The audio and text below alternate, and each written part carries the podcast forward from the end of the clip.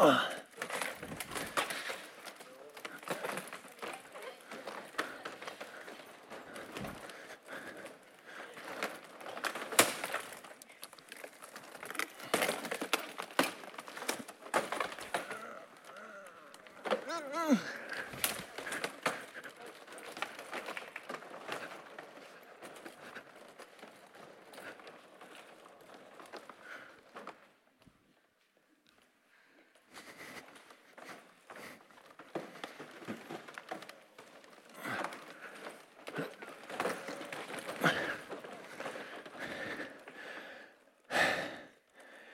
Jag vet inte vad du brukar med dig när du reser men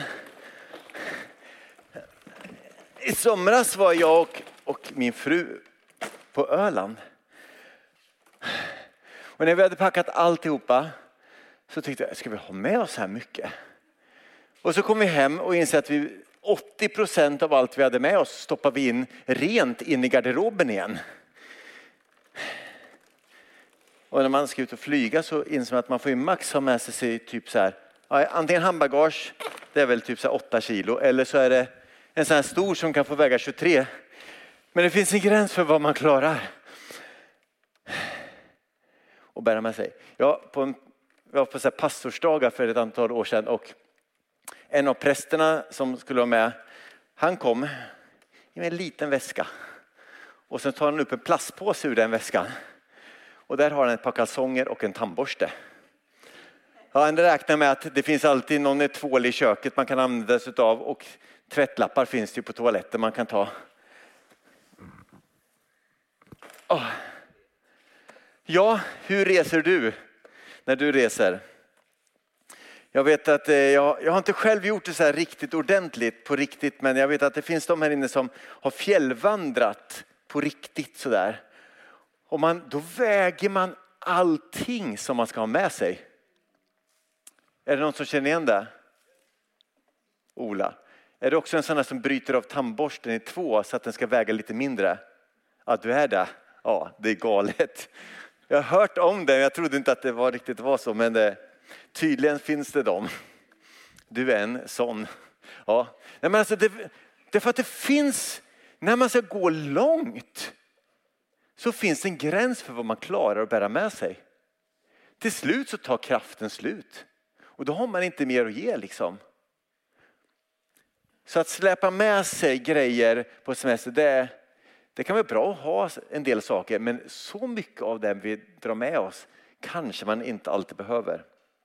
Och det märkliga är att när det handlar om att vandra genom våra liv så släpar vi med oss alldeles för mycket bagage. Många av oss vill släpa med oss så mycket. Det kan vara saker som vi bär med oss som andra har gjort mot oss, som har skapat sår, som har, ja, man är besviken, man känner sig lurad, man känner sig att, ah. och det bär vi med oss. Och vi kanske bär med oss eh, bitterhet, sorg, hat mot andra människor. Och så har vi alla de här förväntningarna som man bär med sig kanske från föräldrar som tycker att du borde min sann. Och sen så bär vi med oss alla de här förväntningarna in i livet. Så jag måste prestera, jag måste vara duktig, jag måste vara bra om jag ska fixa det här. Och sen så, eller från lärare, man känner att hur ska jag göra det här? Eller så är det på jobbet och känner att det finns förväntningar på att jag ska klara allt det här. Och så är det så mycket vi bär med oss. Och sen har vi allt det där som vi gjort, som vi skäms för. Som vi bär med oss som man tittar tillbaka på lite och tänker, åh, tänk om jag bara kunde trolla bort det där. Tänk om jag kunde få det där ogjort. Det där jag gjorde då, alltså smärtan från det och konsekvenserna av det bär jag med mig. Och man bara önskar att tänk om jag kunde bli kvitta. Det finns så mycket som vi bär med oss. Och ju tyngre vi reser, ju sämre blir vi på livet. Då krävs det inte mycket för att någon ska säga att du varför gjorde du sådär? Och vi bara exploderar för att vi har med oss så mycket bagage som gör att vi fixade inte den frågan för mitt bagage tillät inte det. Eller så kommer man in i en situation där, det, där man blir påmind om någonting som man bär med sig och så känner man bara att det där gjorde ont. Det där som den sa eller han eller hon sa, det påminner mig om någonting som jag bär med mig. Och då, jag klarar inte av det. Och så flyr man. Och vi har alla bagage. Och ju tyngre vi reser genom livet desto sämre blir vi på att leva och ju sämre blir vi på relationer. Och jag inser bara att jag har varit gift i 32 år i år. Eh, nej, 31 år i år. Ja. Eh, vi hade 31-årsdag för inte så länge sedan. Och jag inser bara att så mycket jag bär med mig sedan min uppväxt som jag faktiskt tar med in i min relation med Åsa och liksom försöker att du borde väl, för att jag har med mig det och jag tycker att. Men det går inte liksom att förändra andra utan att däremot så kan jag jobba med att förändra mig själv. Vi har alla bagage. Frågan är bara vad gör vi av vårt bagage som vi släpper med oss? Och här när man öppnar Bibeln och läser kanske framförallt Jesu undervisning så det är som att bli träffad av en långtradare. Alltså det bara smäller till. Och man undrar hur, vad säger han? Ja, men Bergspredikan är ett exempel. Där säger han så mycket som nästintill känns omöjligt att leva efter. Han säger saker som här.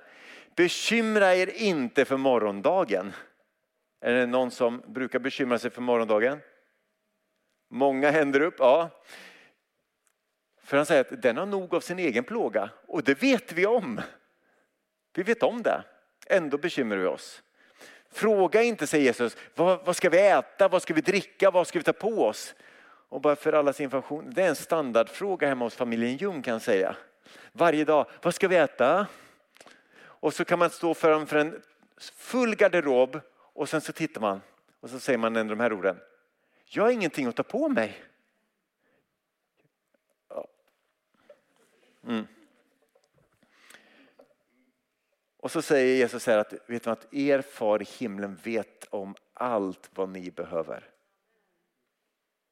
Och så säger Jesus här, han ställer sig upp liksom och sträckte ut sina händer och sa att kom till mig alla ni som är trötta.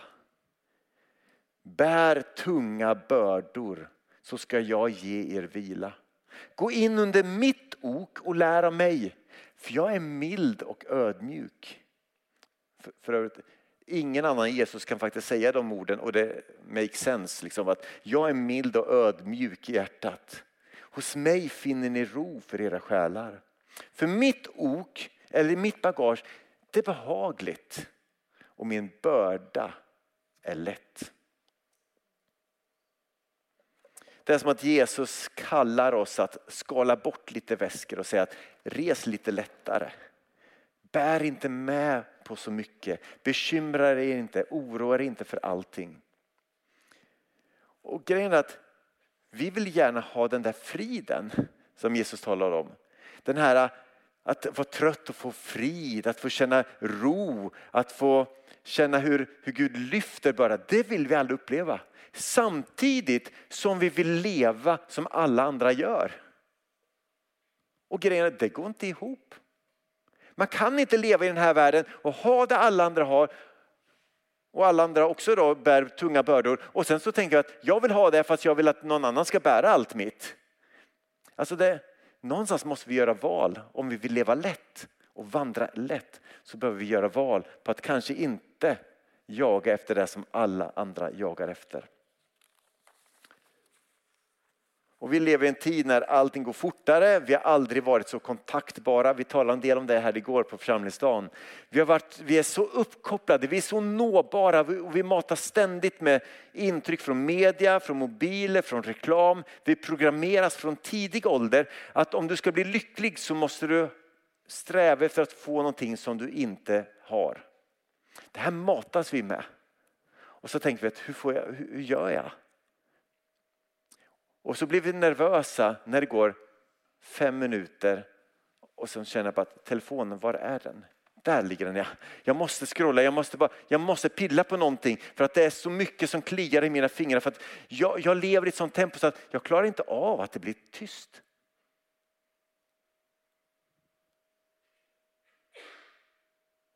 För det är lite obehagligt. Blir det tyst, då måste det hända någonting. Och jag bara frågar, ska det vara så? Är det normalt? det är ett nytt problem. Det här problemet hade inte min farfar när han var liten. När han gick till skolan. Åtta kilometer eller vad det var. Utan mobil och utan något att lyssna på. Kanske pratade för sig själv eller sjöng lite. Det var ett helt annat tempo. Och trots att vi har fått all teknik som gör att livet ska gå snabbare och enklare och underlätta så är vi mer stressade än någonsin. Ska det vara så? Det var en fråga. Nej, det borde inte vara så i alla fall. Och vi inser att efter att ha pratat med läkare och andra som jobbar inom vården att det är så många som bär på tunga bördor. Och de här tunga bördorna, det, till slut man klarar inte av att bära det.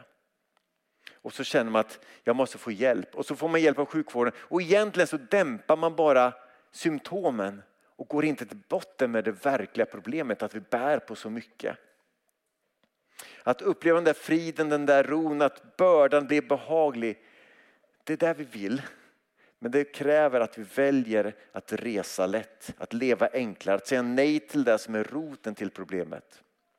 Och här har vi mycket att lära av den äldre generationen. När jag bodde i Falun så fanns det en kvinna som jag jobbat tillsammans med. Hon var, hon var inte riktigt pensionär men var på väg in i pension när jag började i, i eh, den kyrkan. Birgitta Sundin hette hon och hon, vid ett tillfälle när vi satt och pratade så sa, säger de här orden, Niklas, det finns ett utrotningshotat ord. Det är förnöjsamhet. Att vara nöjd med det man har. Det är utrotningshotat, sa hon. Och jag förstod precis vad hon för, att, för vi vill ha mer, vi vill ha någonting annat, vi vill, vill sträcka oss och vi vill erövra, vi vill det är därför vi många gånger tittar på telefonen för att se, kolla upp saker som jag skulle kunna sträva efter, kunna köpa eller få. För någonting i oss säger att om jag får det, då blir det lite bättre. Och det är ingen som känner igen sig, jag vet det, att jag talar till mig själv. Men det här är så våra liv ser ut. Och frågan bara, ska det vara så? Så vi kommer att så vi kommer att under fyra söndagar försöka lära oss av Jesus. Hur kan vi leva? Hur kan vi vandra med mindre bagage, mindre bördor och lättare så att vi orkar? Så att vi lever på ett sätt som Jesus vill att vi ska leva. För det är det bästa livet. Vi, eh, det var en lång inledning till den här eh, predikan. Se det som en inledning till hela den här serien. För vi kommer tala om att, att skynda långsamt nästa söndag. Att hitta ett hållbart tempo i våra liv. Vi kommer tala om att leva enklare. Jonas Helgesson kommer tala om det. Han sa att eh, han har redan ångest och pressen och kännan av det. Därför att det finns så mycket det här som vi behöver alla jobba på. Sen kommer vi tala om att, vad det innebär att vandra, att följa med Jesus och vandra i takt med honom. Och grejen är den som är så uppmuntrande att vi är inte de första som brottas med det här. För när jag öppnar Bibeln så möter jag gång på gång att Bibelns huvudpersoner, de brottades med samma slags frågor. Även om de inte hade liksom samma prylar som vi har. Så var det samma grejer som de brottades med.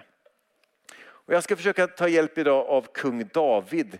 En person som är, eh, han var en när, om man frågar en jude vilken var den största och bästa av alla kungar, då var det, då var det kung David som han sa.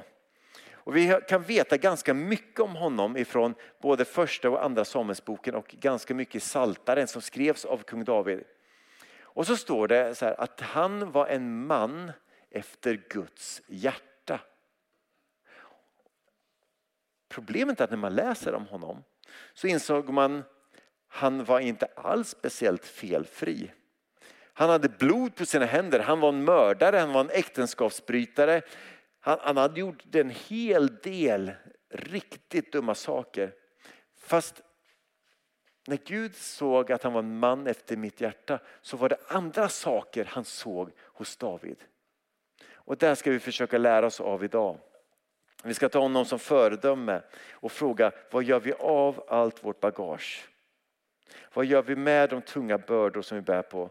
Och vi ska tala om tre olika saker som vi kan bära med oss idag. Det första som vi bär med oss, det är sår.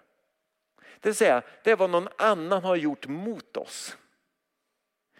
Man lever livet och sen så gör någonting mot oss som gör mig sårad. Som gör att det gör ont.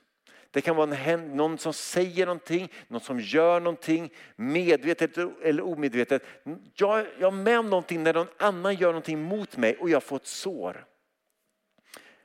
Då Samuel dök upp och tog David och sa att det var, då var en ung pojke och sa att du ska bli kung. Och sen smorde han honom och bröt ett helt olje, liksom horn över honom och rann olja på honom. Eh, och så, så visste David att nu, jag ska bli den nästa kungen. Men åren går. Och sen så försöker han bara göra gott. Och istället så blir Saul, kungen som inte ens vet om att han ska bli kung, han, blir, han är så taskig mot David och kastar saker, kastar spjut, vill döda honom fastän David bara ställer upp, ja, men jag gör det här för att hjälpa dig kung. Och så blir han ständigt utsatt och han blir förföljd, han blir hatad, han blir mord, utsatt för mordplaner. Och gång på gång så får David fly och leva gömd. Han är så, han, han blir sviken och han blir hånad och förlöjligad. Och så läser man då vad kung David skriver i sina salmer. Och vid ett tillfälle i psalm 31 som var från de här åren, eh, hans tidiga år, så säger han så här. Mitt liv rinner bort i ängslan och mina år i suckan. I nöden sviker mig kraften och benen mörknar i min kropp. Undrar hur det känns. För alla mina fienders skull. Jag är hånad.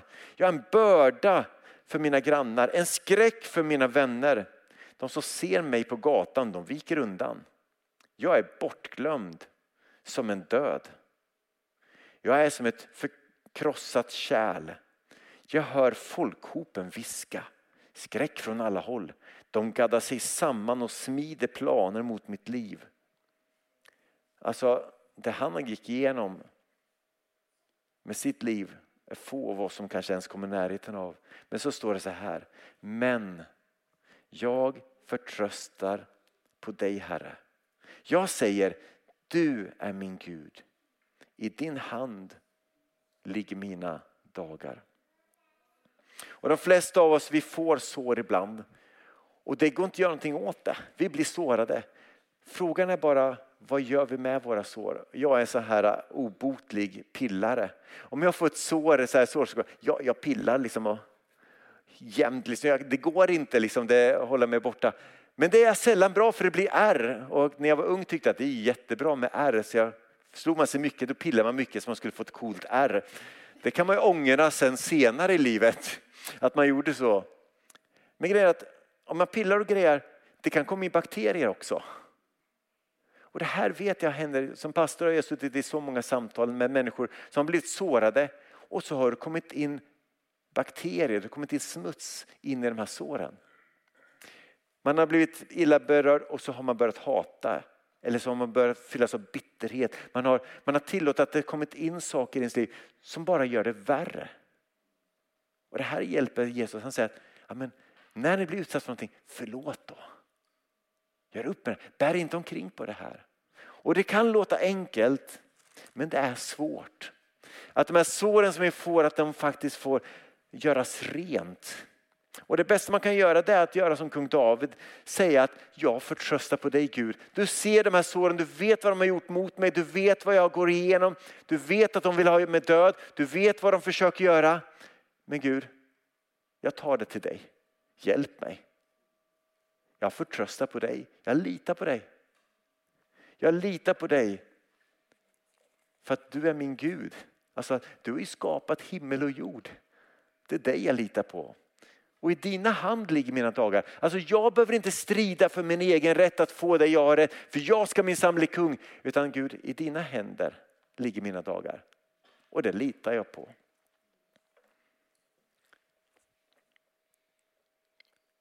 Man kan undra hur David liksom fixade det där. Men jag tror att hemligheten var att han ständigt gick till Gud. Och det var det bland annat som gjorde honom till en man efter Guds hjärta. Sår behöver rengöras, läkas och lämnas i fred. Ärren kommer nog att vi får leva med. Men vi sår kan faktiskt läka. Och när Jesus sa de här orden, kom till mig alla ni som är tyngda av bördor, som är trötta och bär på tunga bördor, så var det bland annat det här han menade. Bär du på sår, bär du på sådana saker som har hänt mot dig. Kom med det till mig. Bär inte omkring på det. För när vi väljer att förlåta, när vi väljer att försonas och söka liksom Gud i det så inser vi bara att det här, de här bördorna som jag varit med om, de här såren behöver jag inte bära. Och våra sår kan Jesus läka och han kan försona dem. Och Jesus själv, han, när han korsfästes, han blev utsatt för ännu mer än vad kung David.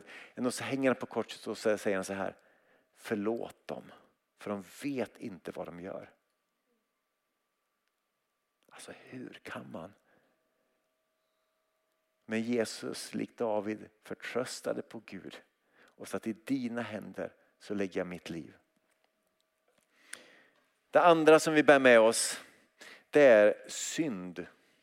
Man talar inte om det i vårt samhälle idag. Mer att det, ja, det var synd att MFF förlorade kan man säga. Men, men i den bibliska bemärkelsen så talar vi sällan om synd. Det vill säga saker, inte vad andra har gjort mot mig utan saker som jag har gjort.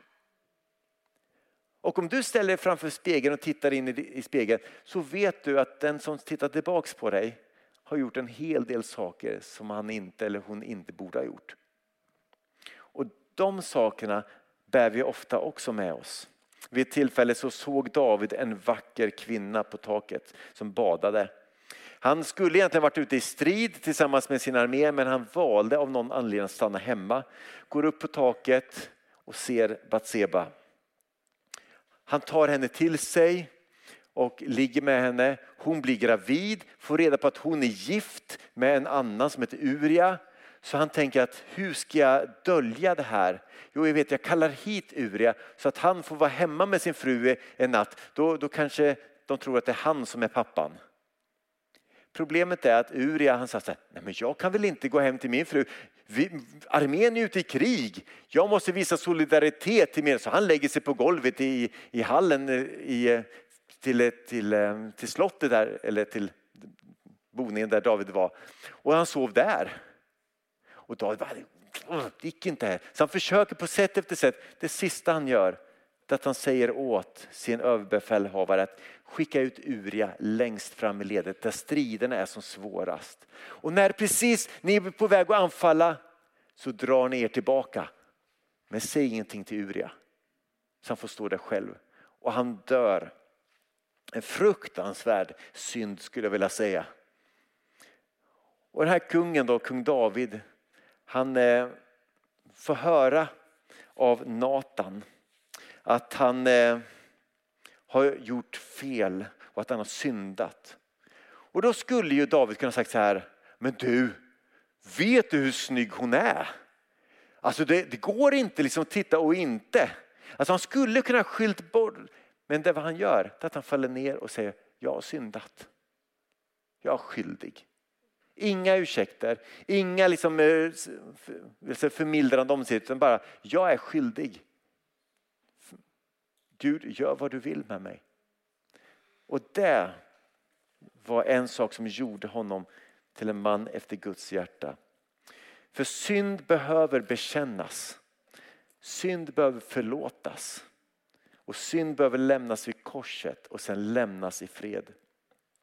För det är inte goda människor som kommer till himlen. Det är förlåtna människor som kommer till himlen. För ingen av oss är någonsin tillräckligt god för att nå upp till Guds standard. Och det är egentligen det som korset handlar om. Att han säger, Amen, jag vet det. Och jag kliver in istället för er. Jag tar er synd på mig. Synd behöver bekännas, förlåtas och lämnas vid korset och lämnas i fred. Så kung David då, han skrev psalm 51 och han säger då så här. Förbarma dig Gud i din nåd. Stryk ut mina synder i din stora godhet. Gör mig fri från all min skuld och rena mig från min synd. För jag vet att jag har brutit Min synd står alltid inför dig. Mot dig, bara mot dig Gud har jag syndat. Jag har gjort det som är ont i dina ögon. Och så säger han, skapa i mig Gud ett rent hjärta. Ge mig ett nytt och stadigt sinne. Driv inte bort mig från din närhet och ta inte ifrån mig din helige ande. Det offer som du begär, fortsätter han, är ett förkrossat hjärta. Varför då? Jo, för att förkrossad och nedbruten människa förkastar du inte, och Gud. Och det finns ingen synd som är så stor att inte Jesus kan förlåta. Och när den är förlåten så ska vi inte älta den mer. Det är som att Gud säger så här att ta synden, kasta den i den här sjön. Det här är glömskans hav och så sätter vi upp en skylt vid sjön. Här är det fiske förbjudet. Här får det inte vara att rota mer. Ändå är vi där. Och så bär vi med oss de där sakerna vi har gjort. Och vi släpper dem inte för vi känner oss, jag är inte värdig att bli förlåten. Det här måste jag få släpa med. Jag måste släpa det här för det är mitt straff. Men Jesus tog det straffet för dig och mig. Så att vi kan bli förlåtna.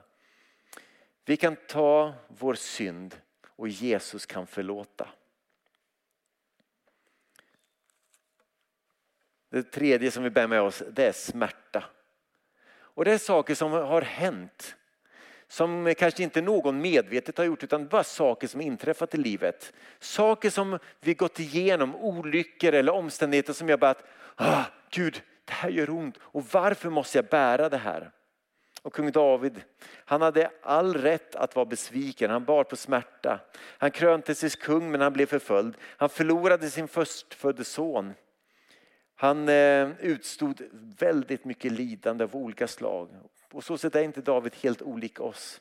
För på ett eller annat sätt så drabbas vi alla av livets omständigheter.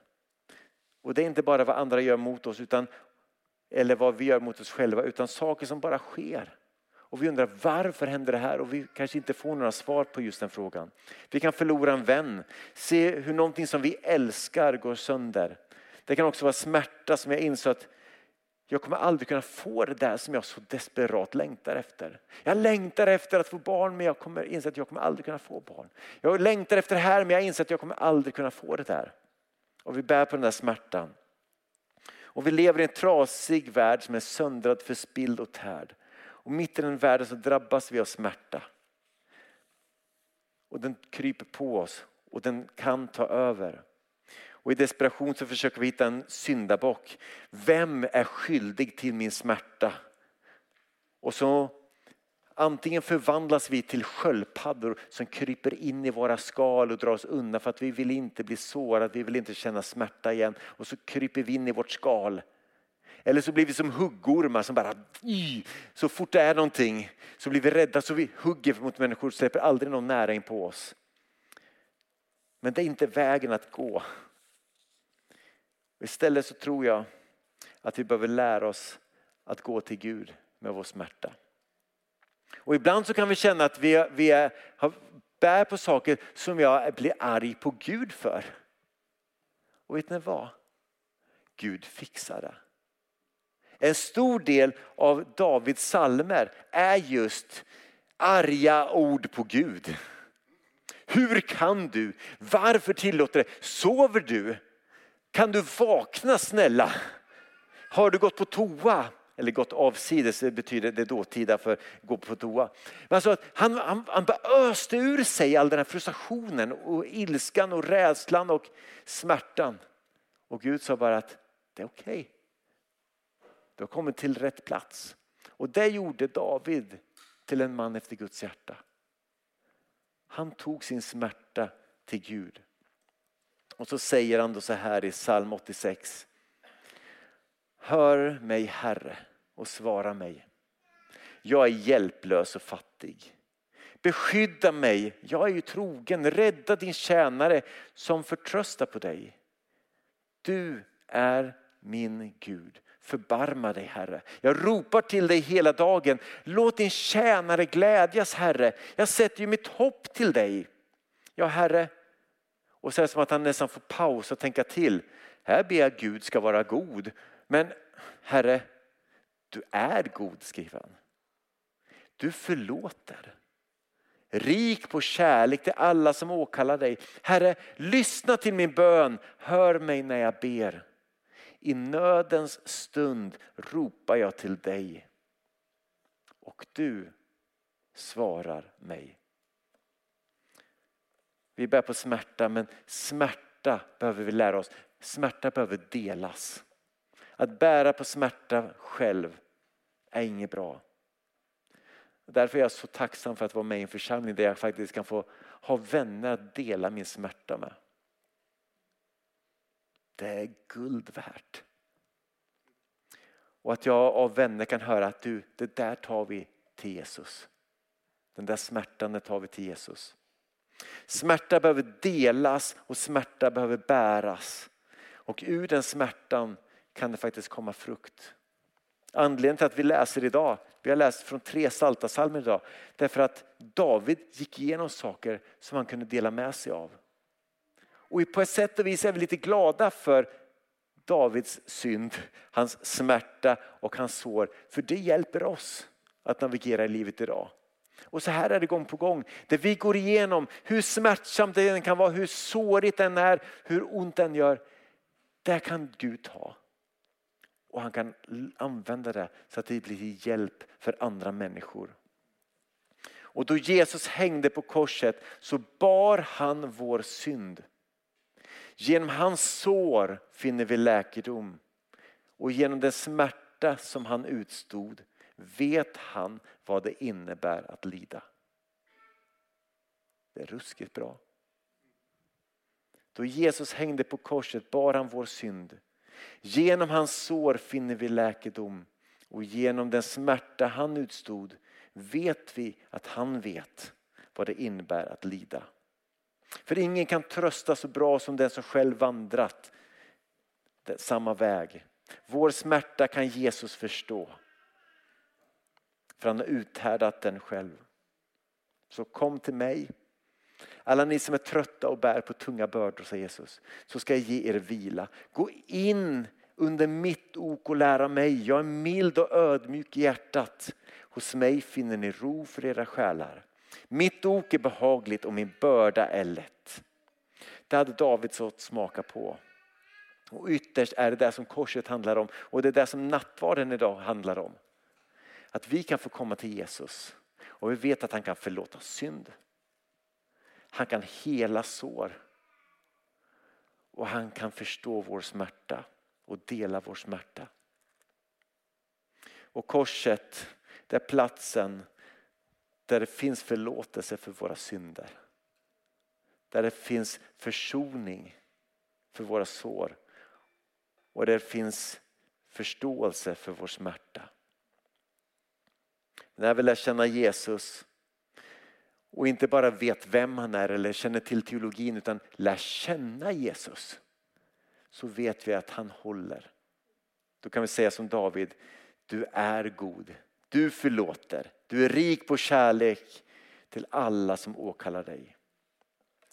Och när vi nu går in i nattvarden som vi ska göra så är det min bön att vi idag ska komma med den här längtan efter Gud försona de här såren som finns i mig. Hjälp mig att förlåta. Tack för att du förlåter mig. Du kan förlåta mig min synd. Och tack Jesus för att du förstår vad jag går igenom. Därför kan vi komma med alla våra bördor till dig Jesus.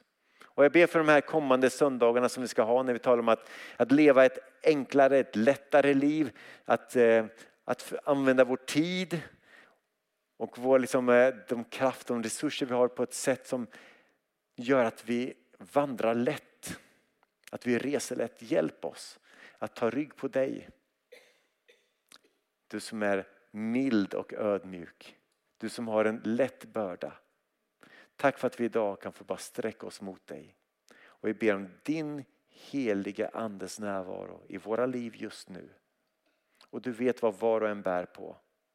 Tack för att vi får komma med våra bördor till dig. Amen.